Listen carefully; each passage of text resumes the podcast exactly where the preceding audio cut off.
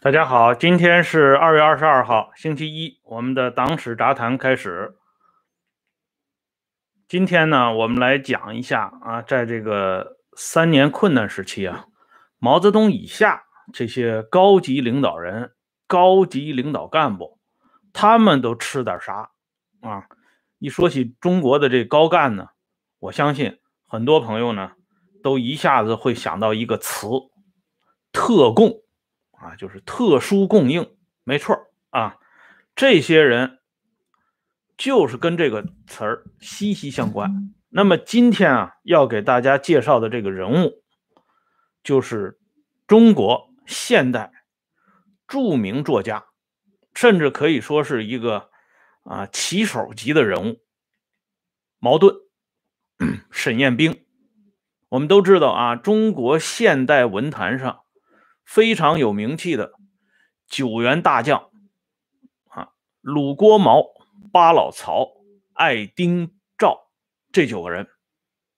这鲁迅因为是在一九四九年之前就去世了，所以呢，他没机会享受政治待遇。后边的这八个人呢，都享受到了政治待遇。当然，这个政治待遇是根据他们各自的。啊，这个情况，各自的影响力来区别对待的。咱们就说一下这矛盾。矛盾是什么概念呢？矛盾是这九位作家当中三位获得副国级待遇的这么一个人。茅，盾生前担任过文化部部长。中国作家协会主席，到了文化大革命前夕，改任全国政协副主席，进入副国级阶层，成为党和国家领导人。虽然那个时候全国政协副主席啊没有后边的这么值钱，但是人家也是党和国家领导人了。而后边呢，只有啊巴金可以跟茅盾相比。在茅盾的前边呢，只有曾经担任过政务院副总理、全国人大常委会副委员长兼全国政协副主席的郭沫若郭老相比，所以这副国级作家只有这三位。矛盾某种意义上讲呢，其实他跟那种有着汗马军功的啊，从这井冈山。从这两万五千里一路走到北京的那些开国元勋们，还不能相比，因为他某种意义上说他是圈外人，啊，虽然呢，他跟咱们党的这个关系也一直很近。这是茅盾老先生的成名作《子夜》，旁边呢是老先生的手记，他是写给作家徐迟的这么一个条幅。茅盾的这两笔字啊，咱们说真的不错。茅盾晚年呢，还做了一件大事儿，就是他把自己的二十几万元稿费，在他去世前夕捐赠给文坛，作为奖业后辈鼓励新进的这么一笔奖学金，就是著名的茅盾文学奖。这茅盾文学奖后来呢，有很多著名的作家都曾经获得过。而茅盾文学奖的作品最近一次被搬上舞台的，就是大家都看过张嘉译演的那《妆台》啊。那么今天呢，我们来讲讲这茅盾他们家的特供生活。咱们先来看啊，这这本书《知识分子与人民币时代》这本书里边有这么一段记载，就是说。在三年困难时期，这党和政府为了照顾到高级领导人和高级领导干部，为了让他们更好的为人民服务，所以呢，给予了他们特殊的待遇，这就是咱们都知道的特供。而特供不是从三年困难时期才有的，而是一直就有的，在延安时期就有。只不过到了困难时期，这特供成了特供中的特供了，我们来看一下这标准啊，这是大概就这么三条啊。人民币时代的作者呢挖掘的史料，这里边呢讲到这个副国级的，包括人大常委会副委员长、国务院副总理、国防委员会副主席、全国政协副主席加两高啊，高院院长、高检的检察长，每户每月。供应肉三十到三十一斤啊，鸡蛋、白糖，还有甲级香烟。那正副部长和相当于部长级的高干，以及特级科学家，特级科学家有谁啊？钱学森这样的啊，每户每月供应的猪肉啊、鸡蛋、白糖，还有香烟。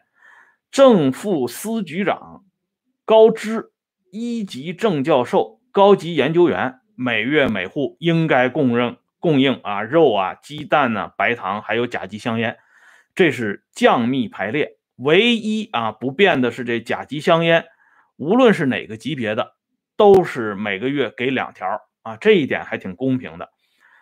白糖呢，啊，到了司局这一级啊，就改成一斤了。所以通过这个。我们就可以看到啊，在那种特殊的年代里，老百姓啊吃喝都成了大问题的时候，咱们的高级领导人和高级领导干部们仍然能够啊饱含深情、饱含热情，全身心的投入到无产阶级社会主义事业建设当中，为全国人民呕心沥血，全然是因为有这特殊的保障和特殊的供应，要不然他们撂倒了。对于我们这国家，对于世界，对于全人类来讲，那是无穷无尽的损失啊！关于这一点啊，我这个还有一个旁证，我们家老太太呀，她还真经历过这个事儿，因为她呢是那个时候正好上中学，哎，她的长辈呢那个时候就曾经给她打电话，往学校里打电话说：“今天呢，赶紧这个回家啊，回家来，今天呢有什么呢？有排骨吃啊。”这家里呢，呃，人家给发了这个，呃，几斤排骨，今天晚上吃排骨，赶紧回来啊！他呢就赶紧从学校跑回家里就吃这排骨。他以前呢就不厌其烦的给我讲过这三年困难时期，啊，只是这这个到底有多困难。当然呢，同时也讲了一下这个高级干部的特殊供应。因此啊，我有这么一点印象。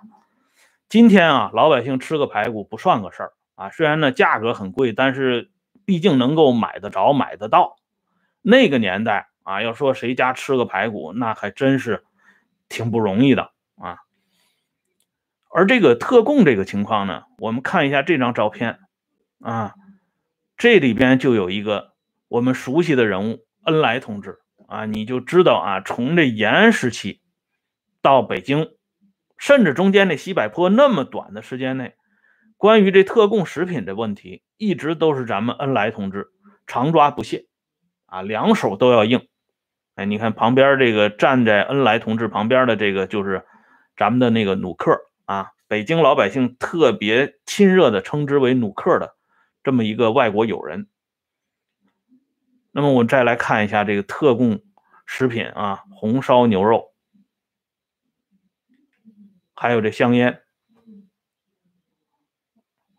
刚才不是提到了吗？甲级香烟两条，啊，还有这中央军委办公厅这盒子上印的啊，祝首长身体健康，这行字啊，我是看着特别眼熟，因为当年啊，这个老太太曾经给家里带过这一小箱这个猕猴桃，那是八十年代初期，那时候我正是这个上小学的时候，我就亲眼见过这猕猴桃的盒子上就写这几个字。祝首长身体健康，哎，而且呢，这个猕猴桃每个猕猴桃上边的外包装上边都粘了一张纸，写的也是祝首长身体健康。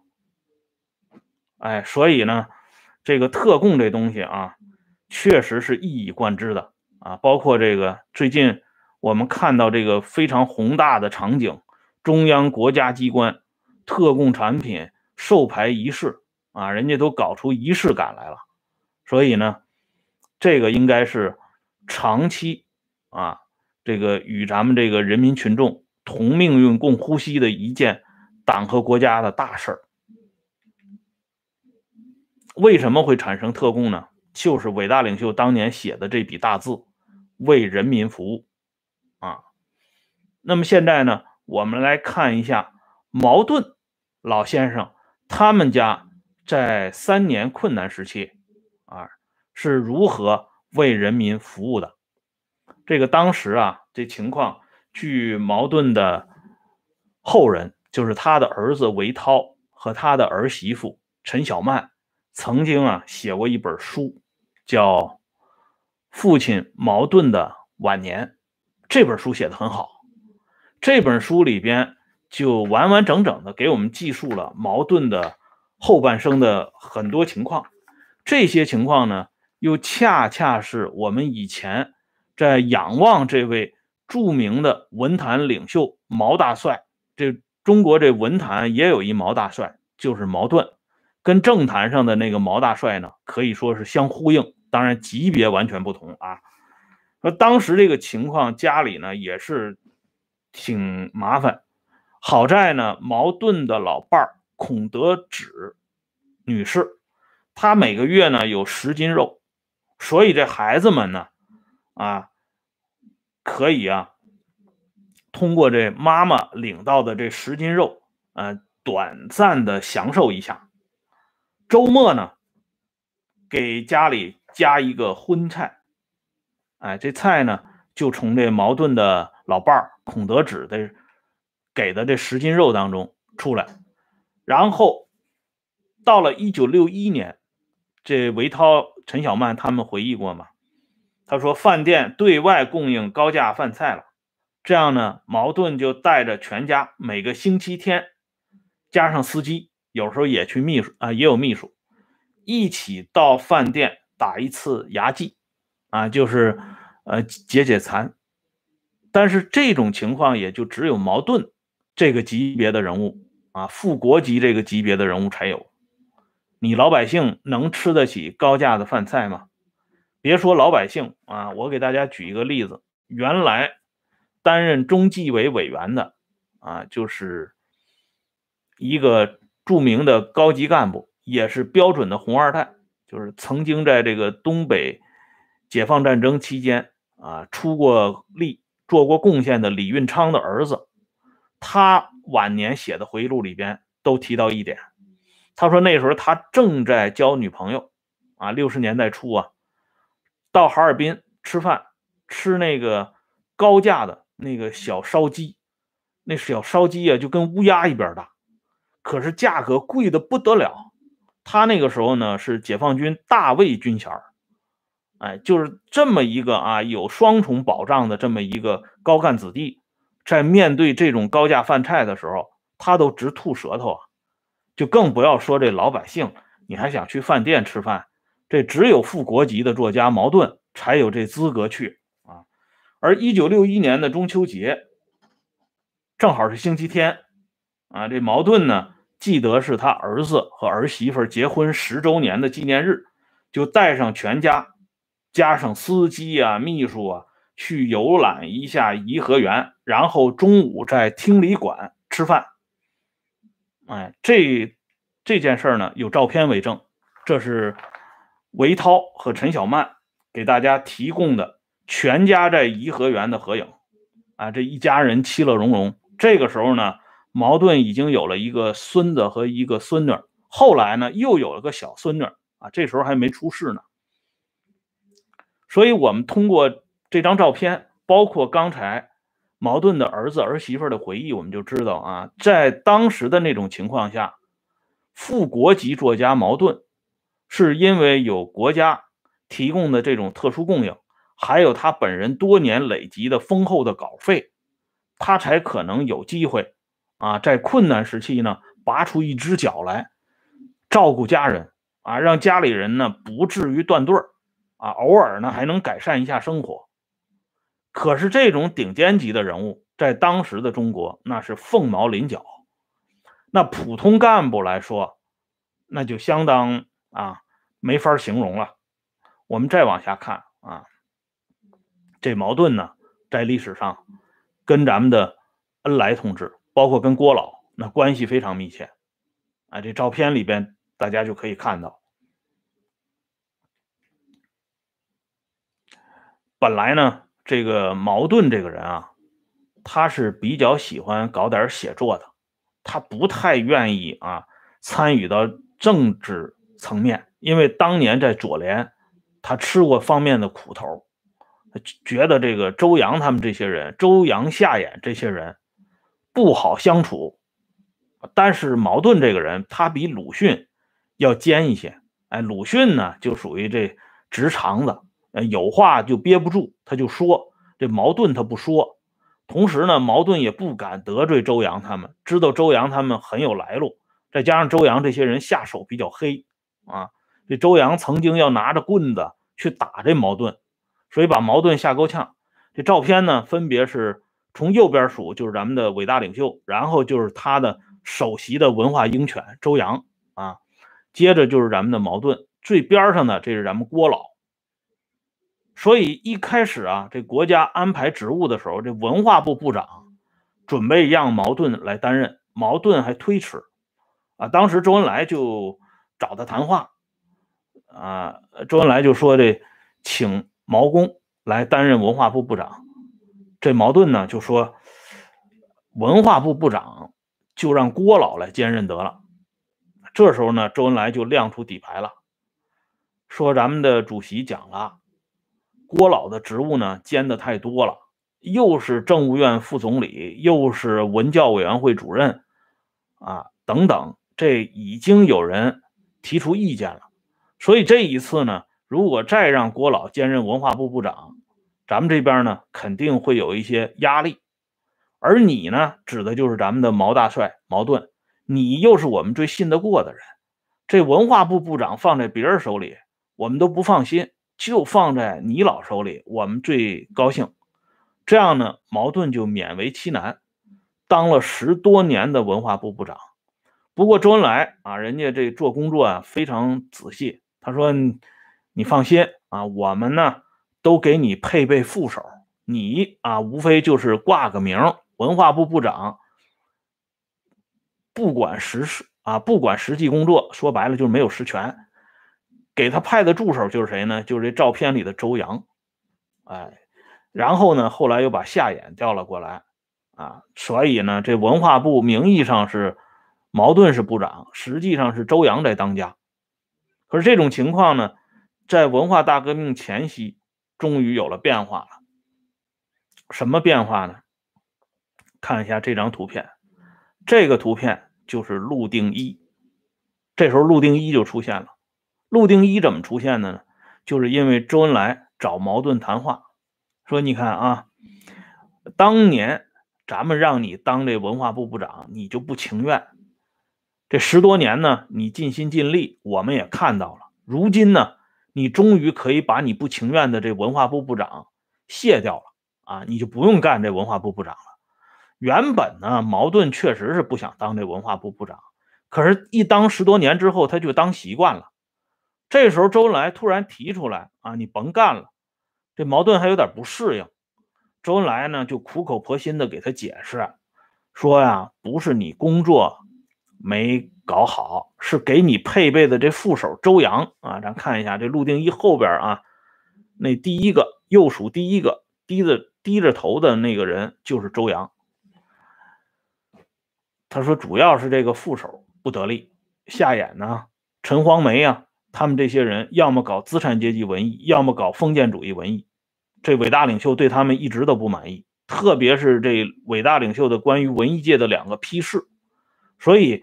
他们这些人在混在文化部也不合适了啊，因此呢，毛公你就可以去全国政协任职，担任全国政协副主席。周恩来是名义上跟矛盾商量，但矛盾已经听出来了，这不是跟你商量，这是给你安排工作，你只有服从的份儿。再说了，全国政协副主席那个规格也不低，矛盾呢赶紧就答应下来了。周恩来呢也跟矛盾直接说了。说这暂时啊，我们找不到接替你的人，就让陆定一同志兼任文化部部长。陆定一当时兼的职务可够多的了啊，中共中央政治局候补委员、中央书记处书记、中央宣传部部长，还有好几个小组的副组长、组长之类的。这个时候呢，又兼了文化部部长了。这陆定一上台之后啊，在内部讲话里就开始批上矛盾了。本来周恩来的话里说的很委婉啊，说这文化部工作没搞好，跟这个啊矛盾没什么关系。但是人家陆定一没客气啊，陆定一那个时候非常得宠啊。